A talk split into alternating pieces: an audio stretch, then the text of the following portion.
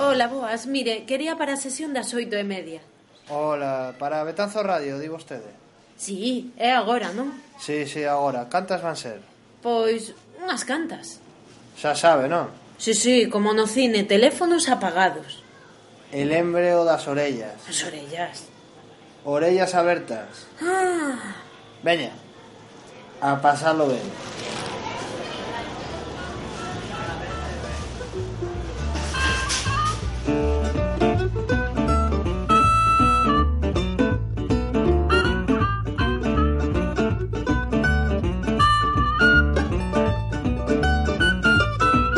Benvidos a esta cuarta tempada de Betanzos Radio. Esta viaxe intertemporal está capitaneada por Geluca Muiño e José Landeira.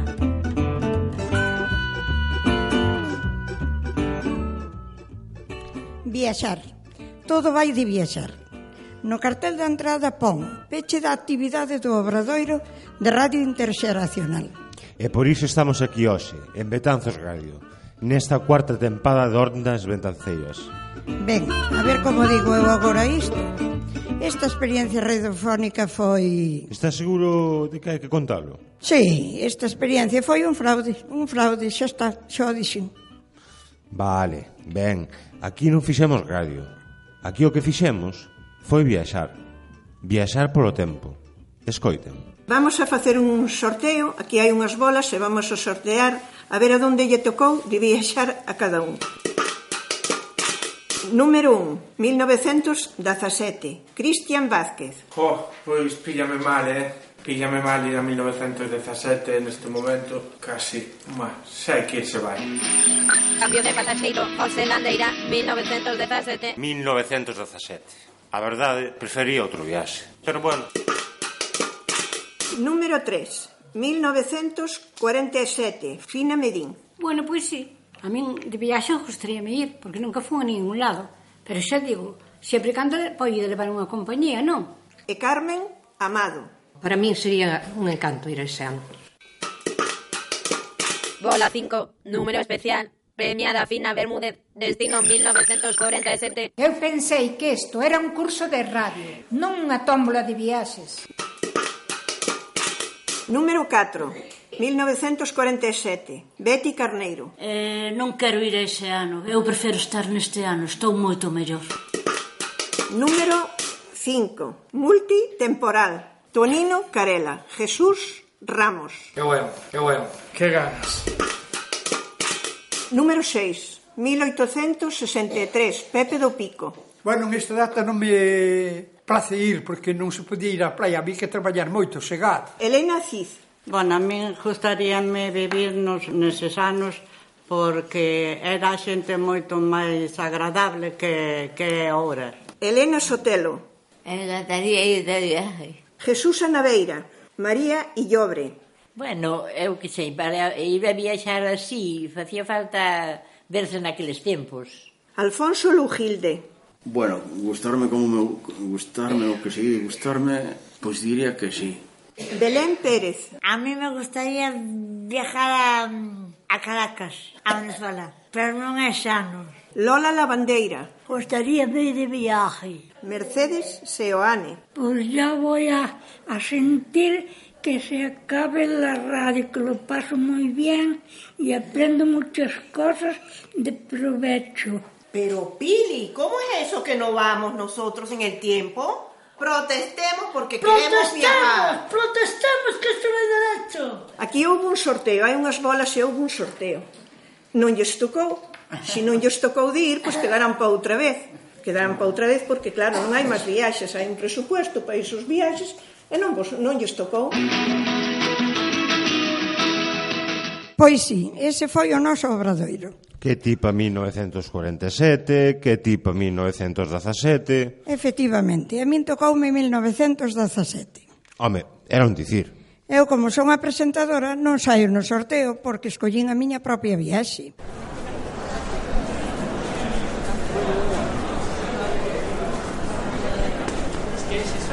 O 6 de outubro de 1907. Ali me plantei diante do palco da música.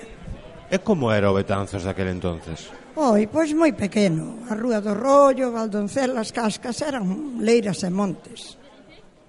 Resulta que no palco Manuel Lugrís Freire estaba a dar o primeiro discurso galego da historia. Mariñáns e montañeses, homes traballadores e honrados, saúde. O que agora tengo atrevimento de falarvos É tamén un mariñán que tivo a grande sorte de nacer nesta bendita e ridente terra nosa. E como tal mariñán... É quen o organizara? Os solidaristas que defendían a xuntanza do sector agrario galego e a, denun e a denuncia do caciquismo. E a ti que tal che foi? Muller, non tan ben como a ti, porque xa sabes que sempre houve clases.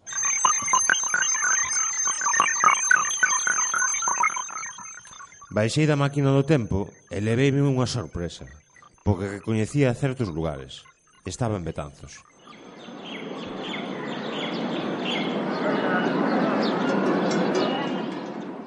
Era 1917, ano no que se fundaran as Irmandades da Fala de Betanzos. Pero que fixeron exactamente pola nosa cultura? O que fixeron foi levar a lingua a planos nos que antes non estaba. De feito, a creación do seu xornal principal, A Nosa Terra, eh, foi un fito porque por primeira vez un xornal se escribía íntegramente en galego. Falaba Silvia Muiño, responsable do Servicio de Normalización Lingüística do Concello de Betanzos coa que falei en 2017 para saber máis deste tema. Falaches con máis xente sobre as irmandades? Pois sí, era, ta, era tal o meu jet lag que quixen falar cun coñecedor do tema, Xesús Torres Guerreiro.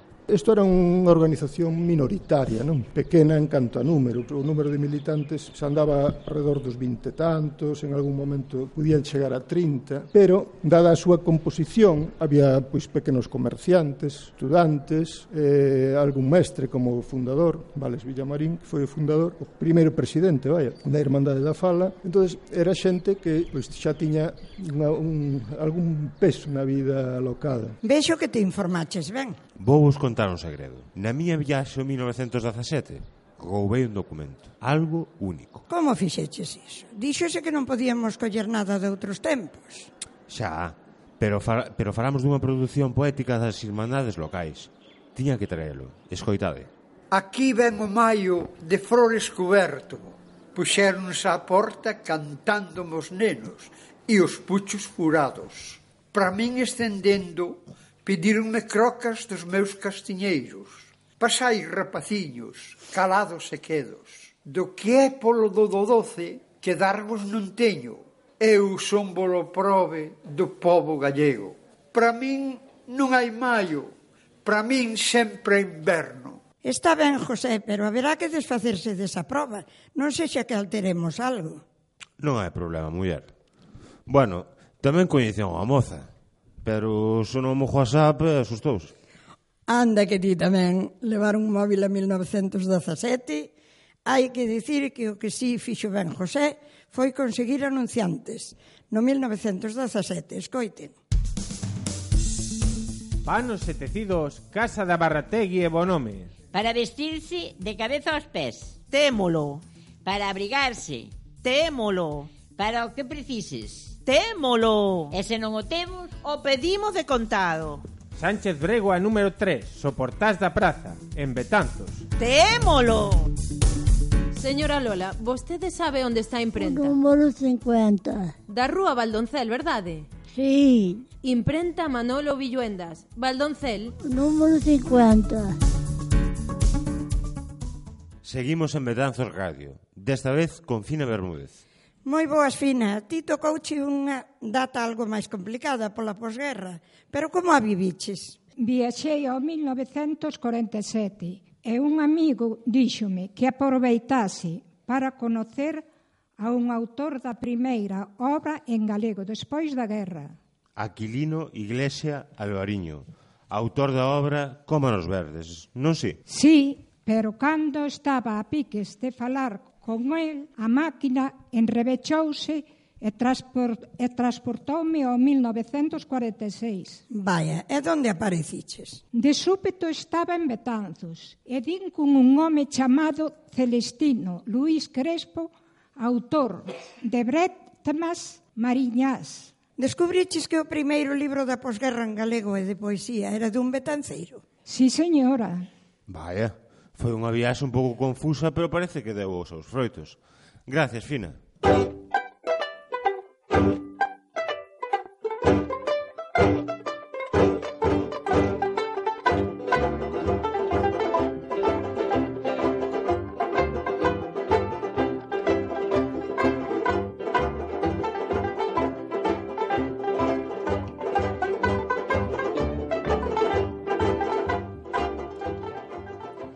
26 de maio, aula Xulio Cuns. Continúa esta viaxe intertemporal. Temos por aquí a dúas boas elementas, Fina e Carmen. A ver, viaxeiras, como foi a vosa aventura? Onde e cando estivestes? No pasatempo. Que fermoso o pasatempo. Que boa estaba a merenda. Mm. O bocadillo e as tortiñas de maínzo. Para beber levamos unha gaseosa.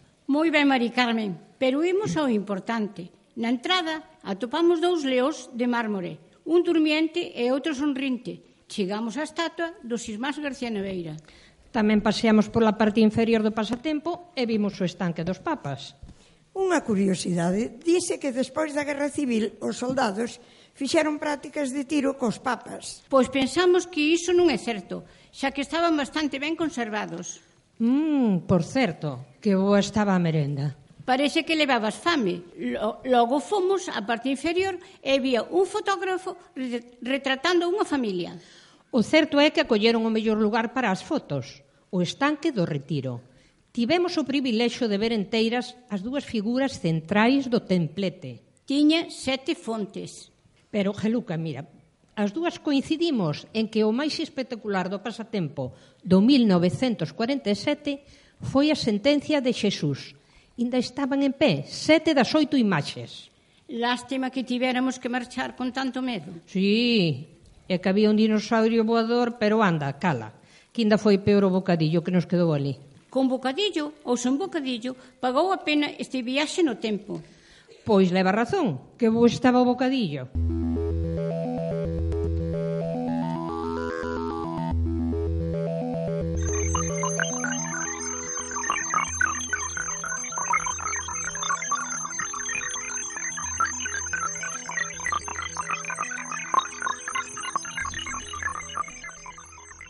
Está claro que o sorteo foi máis favorable para unhas que para outras. Sí, unha das máis afortunadas foi Betty, non si? Sí, porque estuve en Londres, nunha auténtica institución, a BBC.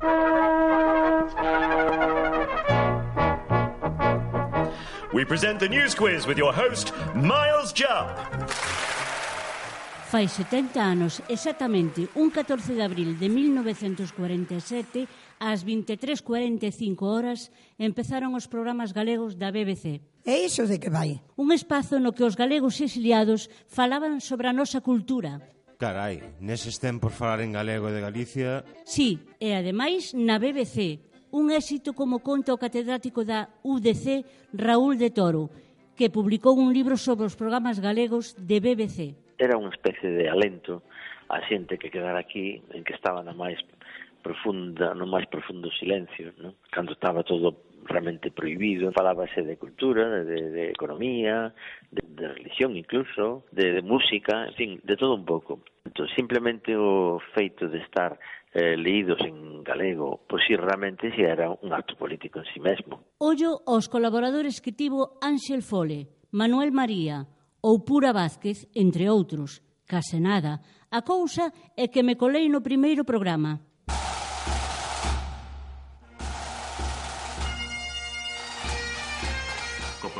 noite damos comezo ás nosas transmisións en lingua galega.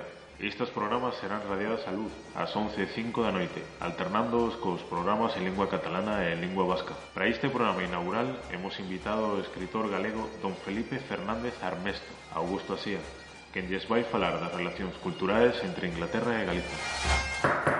Hola, desculpe, é aquí o programa galego da BBC?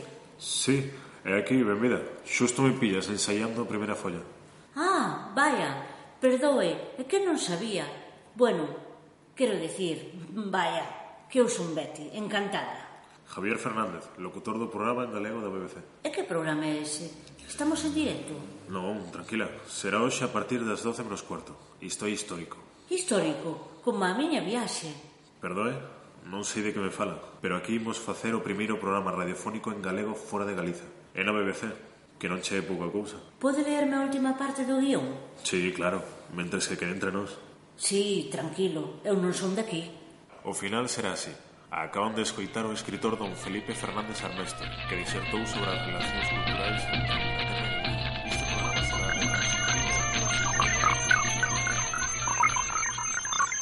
Inglaterra de Tanfos. Oxe, Antano, seguimos neste programa especial das letras e da cultura galega. E precisamente para seguir falando diso está o meu carón Pepe do Pico. Pepe, contanos, a canto gostes vos? Viaxamos os talleres de Xoán Campañel, onde en Vigo se editou por primeira vez Cantares Gallegos. Que afortunado, non farías ningunha tolería. Eu non, pero os compañeiros de viaxe sí que empezaron a ler aquel interesante libro. Moito sabes, miña bella. Moito de sabiduría. Quen puidera correr mundo. Por ser como vos a vida. Que, anque traballos, se facen. Aló pola longe vila. Tamén que cousas se saben. Tamén que cousas se miran. Rosalía de Castro.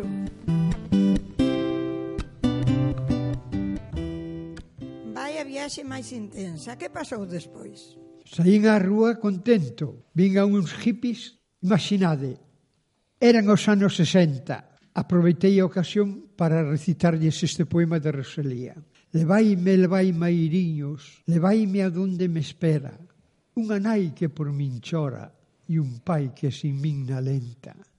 Un irmán por quen daría a sangre das miñas venas e un amoriño a quen alma e vida lle prometera. Si pronto non me levades, ai, morirei de pena. Soia nunha terra extraña, onde extraña me alomean, onde todo canto miro, todo me dice estranxeira. Pepe, ti sempre aproveitando para recitar, eh? Sí, o certo é que os xipes quedaron moi contentos eu tamén. Como non van a estar encantados contigo, Pepe? Os que non están tan encantados son o resto da expedición. Si, tivemos un problema e só podía resolverlo a volta de non sei como. Imos conectar con eles a ver que tal lles vai. Boas noites, compañeiras, dende a aula Xulio Cons de Betanzos. Boas noites, Betanzos. Ora, estamos atrapadas. Ola, amigas. Muchos saludos. Que problema tivestes logo? Os precios estaban moi altos. Tivemos que quedar aquí. Vaya, Pero bueno, o importante é como estades vos. Estamos moi ben, pero queremos estar para a obra de radioteatro. A ver se hai sorte estades aquí canto antes.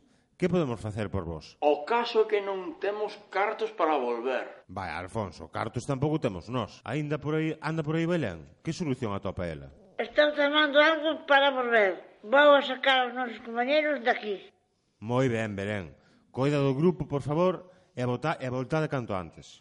Por certo, Compre facer unha paradiña para que escoiten un adianto do que ven despois deste programa. Unha muller que non sabía nada. Eu non sei.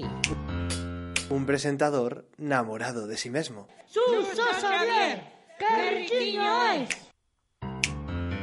Ai, miña xentiña, que sería desvós en min? Unha enferma das porcentaxes. Atenta, filla, a primeira pregunta que fixo Xurxo Xavier foi ¿Quién escribió Ilustrísima?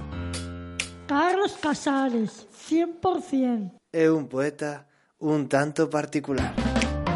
O supere o cerebro, gran xefe da tía, non perdoa aos seus asentes que cometan tolerías. É posible reunilos a todos e non chorar da risa? Tras este programa chega Non sei, un concurso onde gaña o rival máis ignorante. O carallo Pepe. Ou non.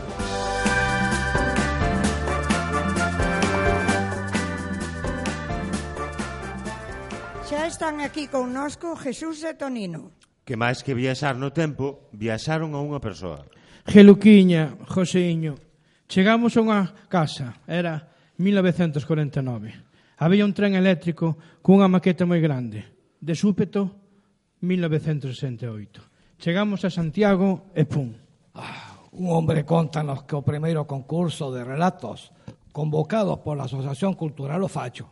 Recaeu no conto infantil. A Galiña Azul, 1970. A máquina do tempo botaba fume. Ollando no diario La Región atopamos a serie con esta lupa, ilustrada por Ciro. Eu ya estaba mareado, esa máquina volveu a funcionar. Preguntei, Jesús, ¿dónde estamos? Nin idea, mira, preguntemos aquela moza. O problema, a moza era sueca. Afortunadamente, o seu mozo falaba galego. Mira, a Editorial Galaxia Cala, estou lendo un libro que fala dunhas laranxas gigantes. Total, que así sen máis estamos en 1982. Ah, claro, o Parlamento Galego. A afición polos tres. A literatura infantil. A faceta xornalística. O director da Editorial Galaxia. A súa esposa suaca Cristina Ver.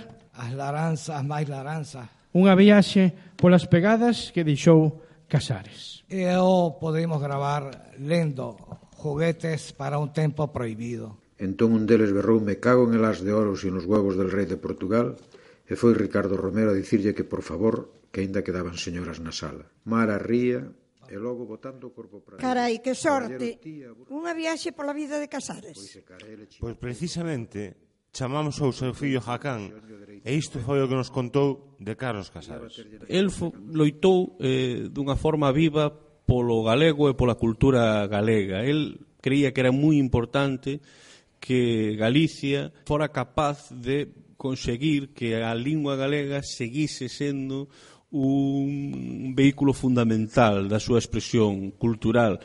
Eh, a pérdida de falantes e a pérdida do uso da lingua galega para ele era un desastre cultural. E así o decía. Tamén é certo que eso el pensaba que era importante facelo dunha maneira que resultase moi inclusiva. Gracias, compañeiros. Confitería Constantino Rábade doces eh, especialistas en mil follas. Fanse toda clase de encargos. As delicias do paladar. Soportás do campo.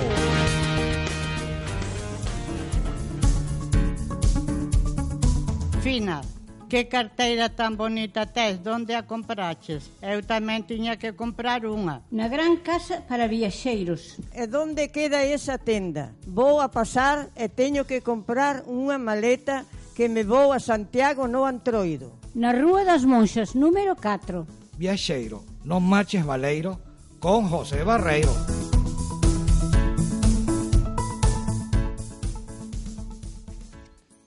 E Betanzos Radio xa non fixo máis viaxes.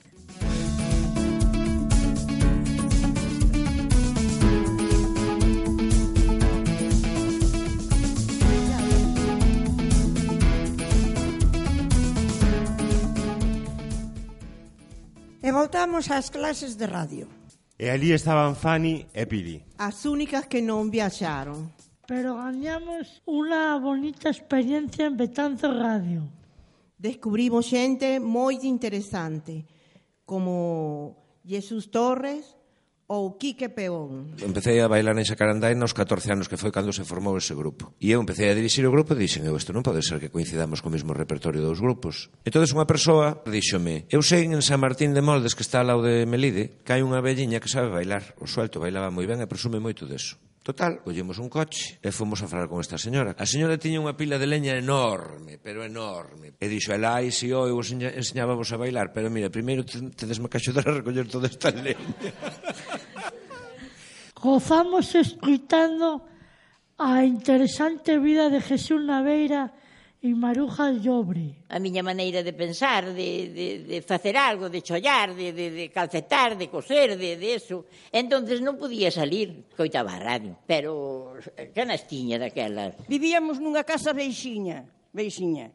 Na mesma casa vivíamos nós, meu pai, meus irmás e miña nai. Noutra habitación vivía unha que chamaban a comer ratos. Na outra habitación vivía outra que lle chamaban a, a, a Nacha Perra e vivíamos todos ali, e todos cociñábamos na mesma cociña. Ali non había vertedeiro, non había máis que un servicio ali na entrada da porta. Se nos bañábamos, bañábamos nun caldeiro que mos a fonte a auga, pero non había nada. Vivíamos na miseria máis grande que había no firmamento. E coñecimos o que comía a redacción de Betanzo Radio. Miña nai xa me está rendido porque non me acordo de que comín. Pois non me acordo ahora mismo, se me poden matar. Ai, bueno, comín arroz. Pois mañán vou a comer grelos con bacalao tortilla, xamón, eh, salchichón, queixo, pero bueno, ao fin non comemos tanto hoxe. Fun comer a casa de miña nai, pero a verdad que xa non me acordo. Empanados porque se non tan moi duro. Patacas cocidas e berza branca do Val do Limia. Botamos unhas risas coas nosas meteduras de pata. Ai, muller, non me preguntes nada. Gema Naveira. Eu chamome Jesús. Eh. As súas preguntas diría, pero a ver, que me preguntache, por que non me preguntache nada? Que lle parece? Ah. Ai, Dios mío, agora xa non sei por onde vou, agora xa me perdín eu. A ver, empezo desde arriba, outra vez. Calama, os, os Tamara e a Quinlla. Perdón, é que faltan as gafas. Que se... Pois hai que poñelas. Non é usted solo, que a mí tamén me fan falta, eh? Si necesitas unhas bailarinas... Pois veña. Ahora dame risa. Bueno, Moito non, mellor. non o dudo, que teñen moi bons produtos. Porque de que viven os aquí das cousas de Portugal? No, oh, a ver, onde me está? Que xa non a vexo. Me cago en diola. Por que? O micro a 10 km, o, o micro pesado. Non graves aínda, espérate, eh? espérate, apaga o aparato. Fíxeno ben. E convertimos Betanzos en capital de Portugal. E logo tamén comentamos que sería Betanzos capital de Portugal, que sería a capital. Aí sí que non están moito de acordo. Me parecería algo raro ao non está ser concellos eh, limítrofes o que estea disposto. Eu non me iría para Portugal así. Nada ben. Que se fusionase ca, para os peninsulares, os da península, ser todos unhos. O mellor sentirnos todos como un grupo de sin diferencias, gozando e aprendendo. Canta razón, compañeiras. Pa non viaxar, vos quedou unha cousiña ben xeitosa, así que gracias. E vostedes non se vaian. Saca agora ben Non sei, unha divertida obra da Caído Teatro. Non deixen de viaxar, de abrir a mente e os oídos, de encher a alma e coñecer as nosas orixes. Isto foi Betanzo Radio.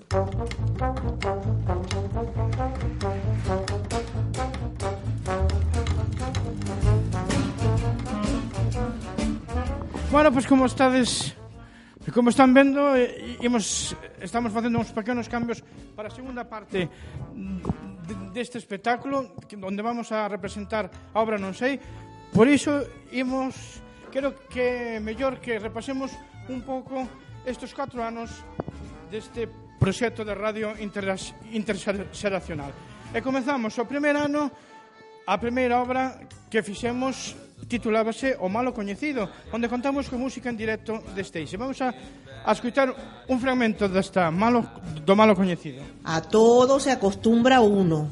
No se preocupen, vamos a empezar precisamente dando gracias a Dios con esta bonita canción.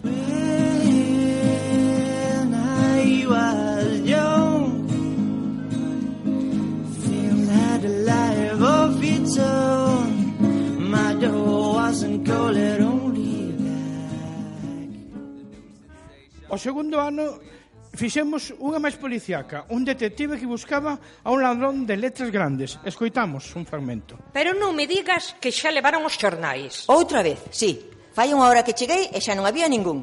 Así calquera se informa. Gaviria, Pardal, tomen posición.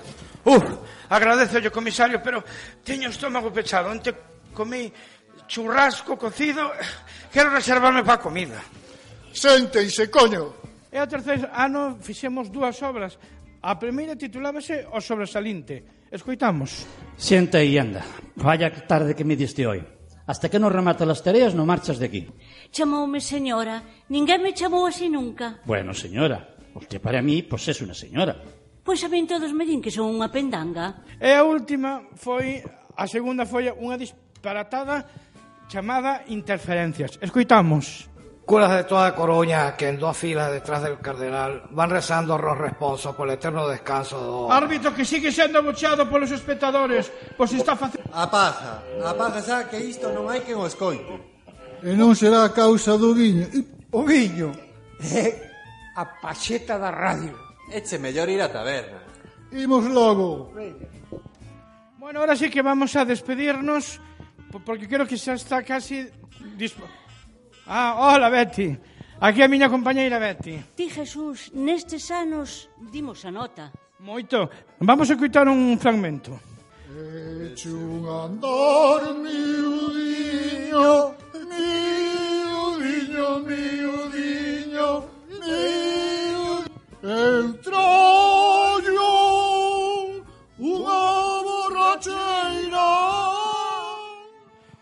miña naiciña, miña, ma, miña nai, miña madriña, Betty.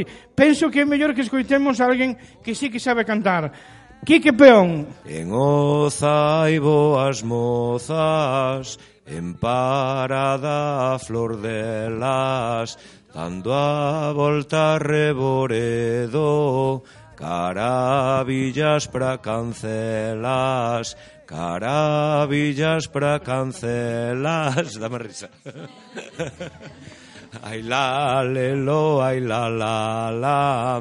José bailaba Lupe, o río de Santomé. José era piquiniño, era piquiniño, piquiniño, eh. José era piquiniño, era piquiniño, piquiniño, eh. Quique Peón, señoras e señores, forte aplauso. Bueno, Betty, penso que xa está todo preparado, o cal imos a presentarlles a obra Non sei. Moitas gracias e que desfrute.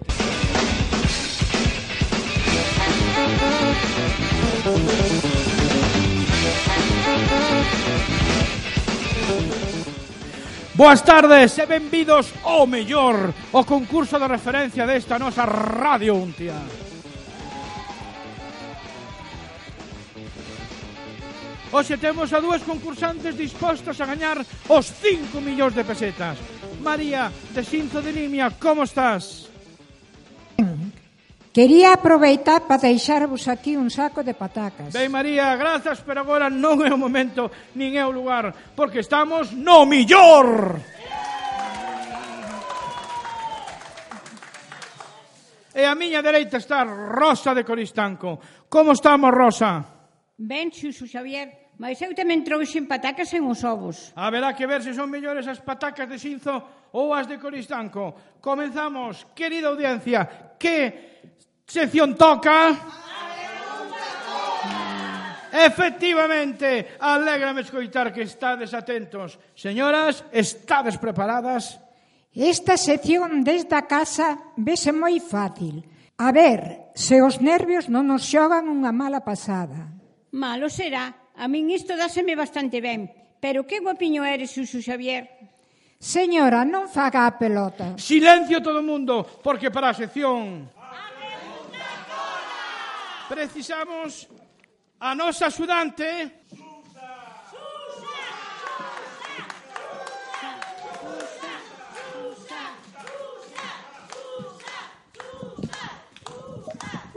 Que tal, Susa? Moi ben.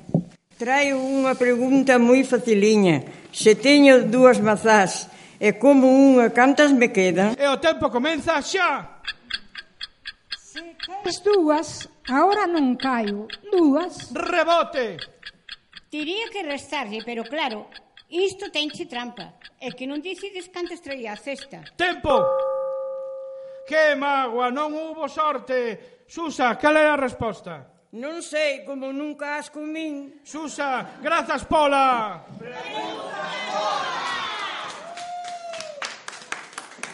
E aquí remata o mellor concurso da nosa radio. Máis preguntas que onte e menos que mañá. As rapaciñas de Galicia todas elas teñen a fama de saber bailar.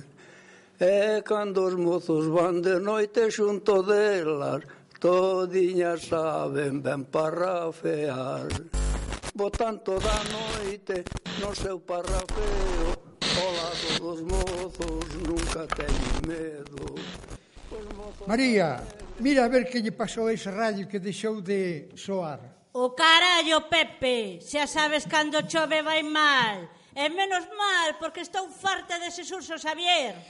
Pois eu penso ir a ese concurso. Ti ves, mamá? Eh, eu non sei. Pero onde vas ir ti, Pepiño, se ti non sabes nada? Vaya se sei, cando gaños cinco mil pesetas, xa mo dirás. E demais hai lle de levar unha tortilla a Xurxo Xavier. Tortilla. E logo, ese non é o prato típico de Betanzos? Hai che outras cousas, home, ou non sabes a canción.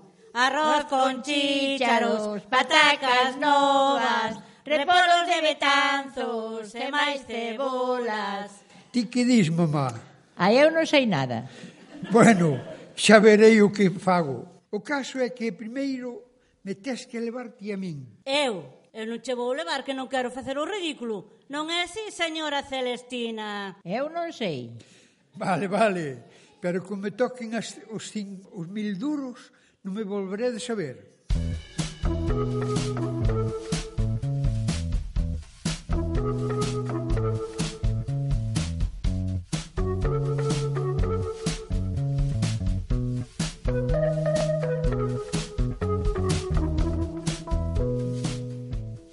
rematamos unha edición máis do mellor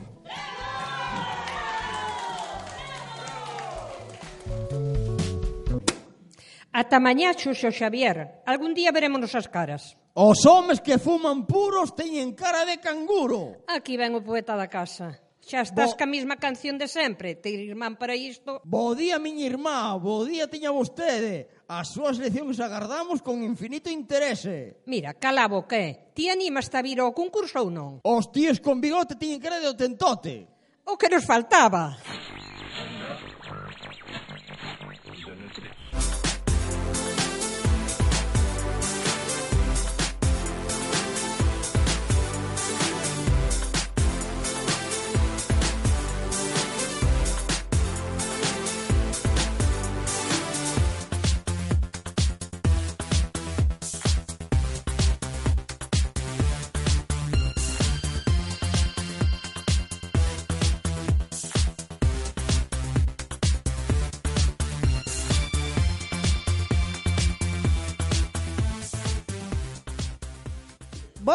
Amiga. A ti que estás detrás del micrófono, a ti que me escoitas cada día. Qué mejor forma de comenzar esta jornada con una gimnasia. Para empezar, giramos a cabeza como si la orella tirase un fío invisible. Cara o teito. Imos ahora con los brazos. Un, dos, tres, cuatro. Otra vez. Un, dos, tres, cuatro. Veña, movedo cu, la, la kazán. Otra volta. Se acabó la radio por hoy. A cenar. Pero podemos dejarla de fondo. Prohibida la radio en la mesa, mamá. El 80% de las familias tienen problemas de comunicación por esto. Tranquila, filla, tranquila. Mm, que boa pinta teñen esas arepitas. Decepción. Había un 50% de posibilidades de que hubiera pulpo. A estadística é cho que ten. Déixate de tanta porcentaxe. Bueno, ¿y el concurso qué? Bueno, lo he estado hablando con tu madre y opinamos que sí. ¡Toma! Tomamos nota de las preguntas que fixo onte Xuxo Xavier. A ver se si acertas o 100%. Tranquila, tranquila. Atenta, filla. A primeira pregunta que fixo Xuxo Xavier foi ¿Quién escribió Ilustrísima? Pues Carlos Casares, 100%. Sí, señorita. ¿Cuántos son 8 por 3 máis 6 menos 5 entre 5? ¿Cinco? Ay, la capital de Venezuela. Pues no sé. Anda, que en casa de Herrero. Que sí, Caracas. E a pregunta do gaña gañou foi... ¿Por qué celebramos el 17 de mayo las letras gallegas? Porque ese día se publicó Cantares Gallegos de Rosalía. No hay duda. Puedes y debes ir a ese concurso, Pituca. Xurxo Xavier vai alucinar. ¡Toma!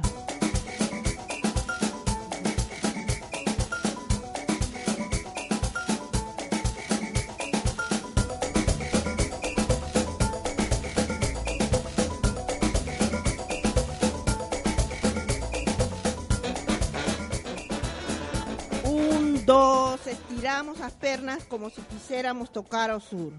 cabeza cara abaixo e respiramos. Veña, que nos van a dar as uvas. Así todos xuntos podemos cuidarnos mellor. Imos alá, repetimos. Un, dos, tres. E agora imos facer unha pausa para tomar un vasiño de auga e voltamos.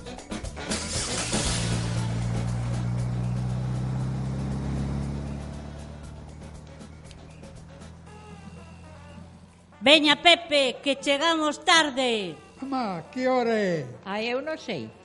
Son as cinco, non me des tempo de arrepentirme. Vale, vale. Eu xa estou. E a tortilla? Levo repolos a máis chícharos. Non é así, mamá? Eu non sei. Veña, ímonos. Esta muller nunca sabe nada.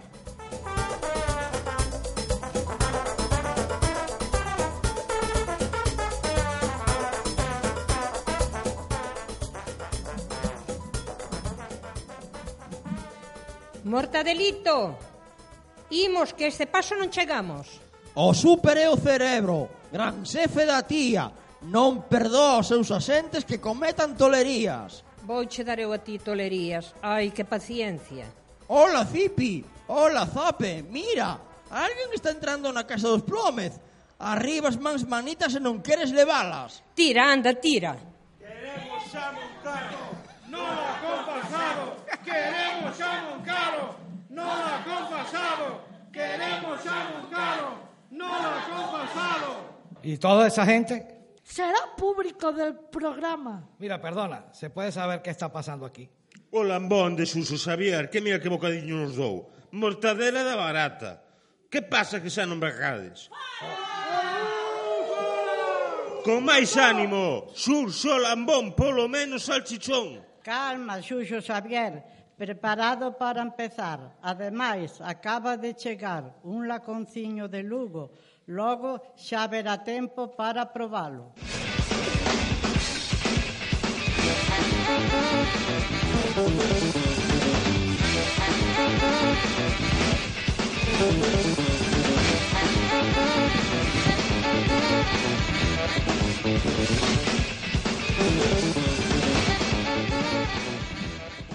Benvidos ao mellor.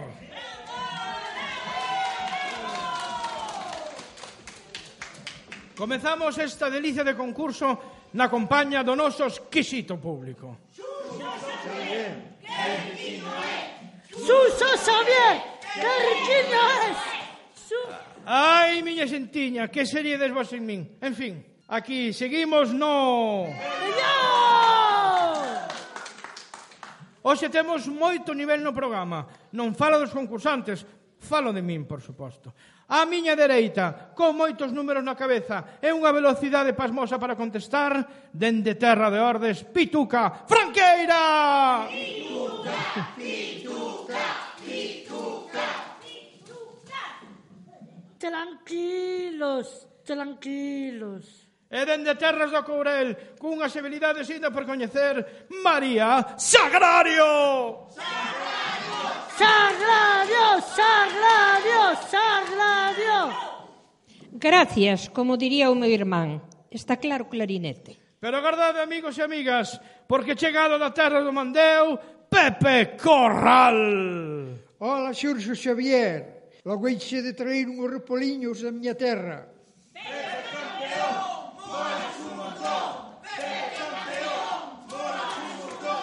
Grazas, querido público, grazas. Sodes casi tan xeniais como a min. Comezamos coa primeira proba, descalificando que é xerundio. Pregunta individual e dous comodíns, sustitución ou público. Pituca, ti esa primeira. Cal é a porcentaxe de agua que ten o noso corpo na idade adulta? 65%. Correcto. Seguimos co compañeiro das terras do Mandeu. Cantos municipios ten a provincia da Coruña? Esa seino, 90.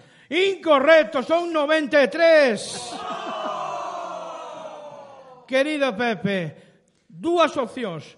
Seguir co comodín do público ou guardalo. Pero iso sí, terás que pedir o relevo por unha persoa que ti elixas. Bah, pois non sei, porque de seguir sin comodín moi complicado se ve.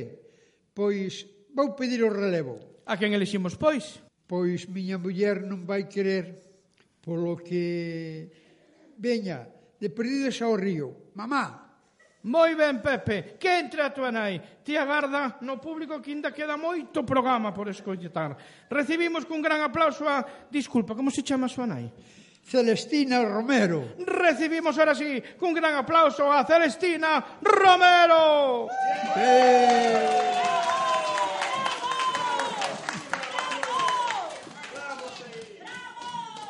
Ola, Celestina, preparada para sustituir ao teu fillo? Ai, eu non sei nada. Seguro, seguro que sí. Continuamos.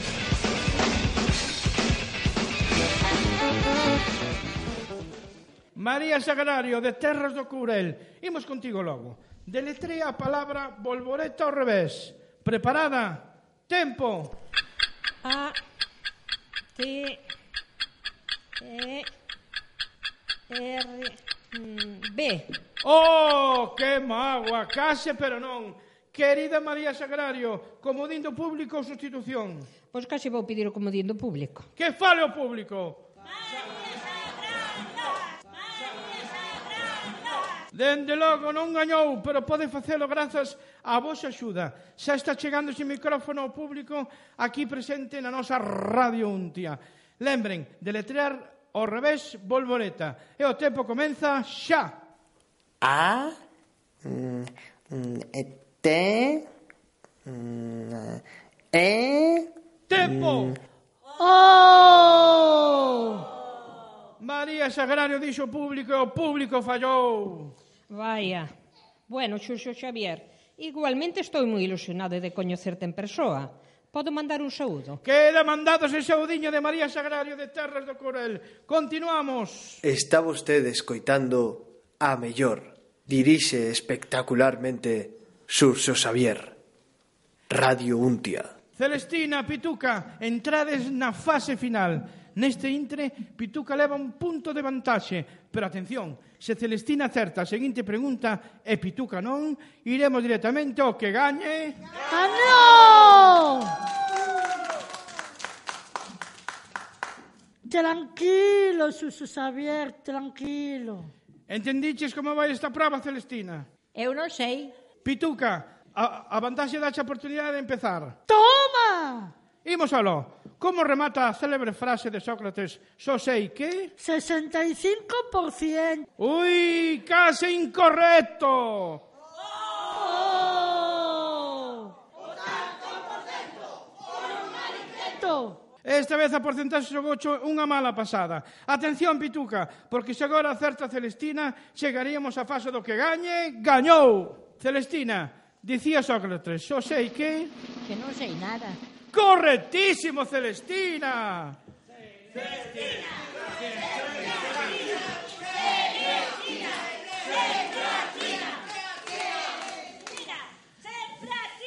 E agora sí, o que gañe, gañou.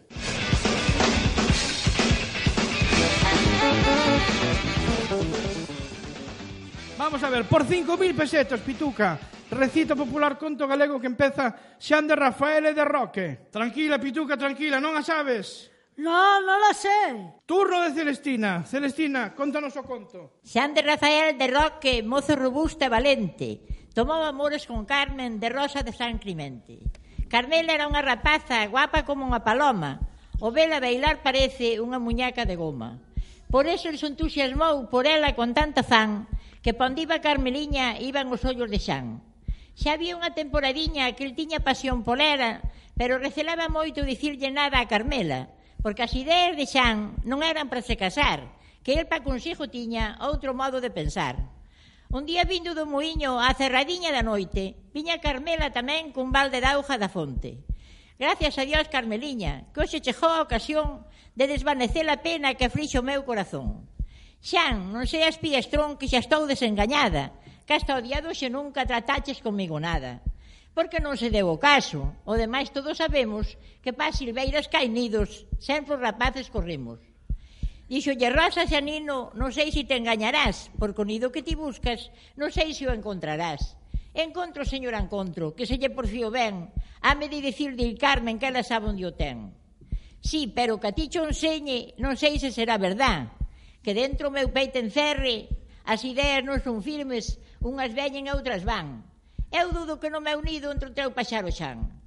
Marchouse xan presumindo cara a casa de seu pai, cavilando nas palabras de Carmela e súa nai. El só lo dicía, sei que entrei con mala pata, que me vai salir sin duda o tiro pola culata. Perelles de dar a lata, hasta ver si me dou maña, que dunha maneira ou outra destoupar a castaña. Estoupou, tuvo razón, que logo chegou o día de que estoupou a castaña, pero non como xan quería.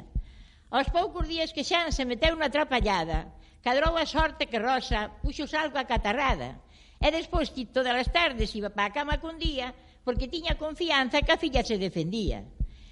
E un sábado, eh, pero como Carmeliña lle daba algunha larganza, eu tamén cada vez iba tomando máis confianza. E un sábado pola noite, sei que o demos atentou.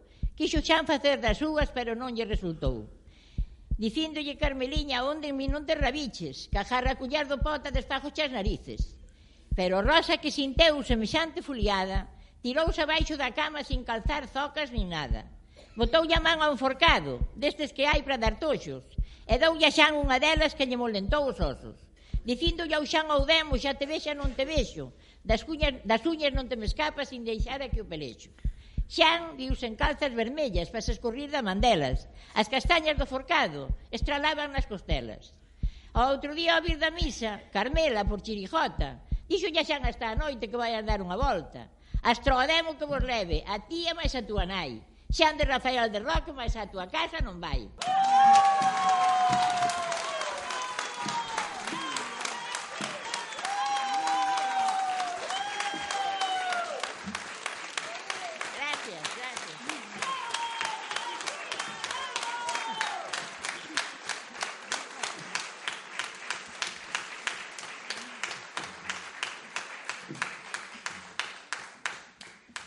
resposta é... Correcto, Celestina, 5.000 pesetas, mil duriños para ti. Como te sintes? Eu eh, non sei. O oh, que si sabemos é que voltamos mañá, aquí, no mellor.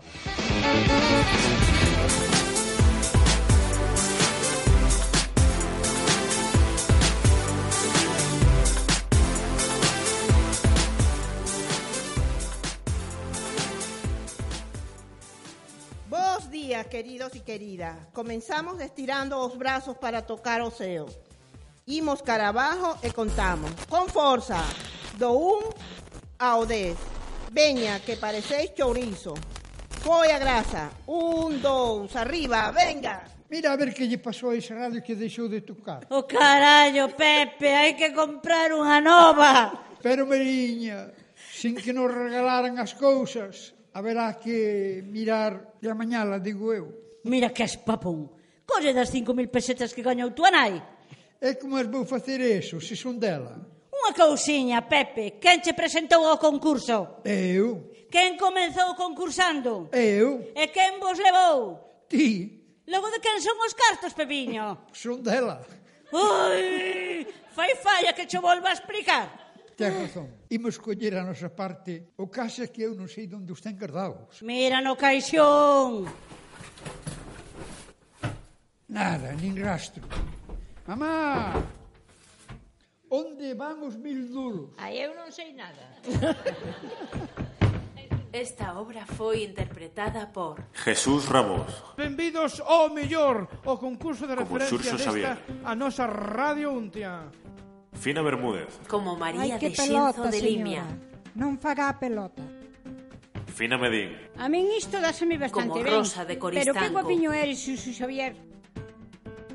Pile Gestal, Carlos Casares, 100%. Geluca Muiño Tranquila, filla, tranquila. e Tonino Carela Anda que en casa de Herrero. como familia franqueira, Fanny Carela, Un, dos, tres, como catro. gimnasta radiofónica, Veña, movede o cu, la casán. Carmen Amado, como María Sagrario, ti tolerías. Ai, que paciencia. Alfonso Lugilde, Os tíos con bigode. como Mortadelito, Cara de otentote. Beatriz Carneiro, O carallo, Pepe. Xa Como sabes María. que cando chove vai mal. Pepe do Pico, E levar como Pepe Corral, a Xurxo Xavier. María Illobre, Que non sei nada. como Celestina Romero, Jesús Anaveira como Susa. Nunca as comín. Belén Pérez, Mercedes Seoane, Lola Lavandeira e Elena Sotelo como coro. Elena Cid, preparado para empezar. Como produtora do Xamonciño de Lugo. Checar un Xamonciño de Lugo. E José Landeira. O lambón de Suso Xavier. Como manifestante lambón. Mortadela da barata. Texto, realización e producción do laboratorio de radio.com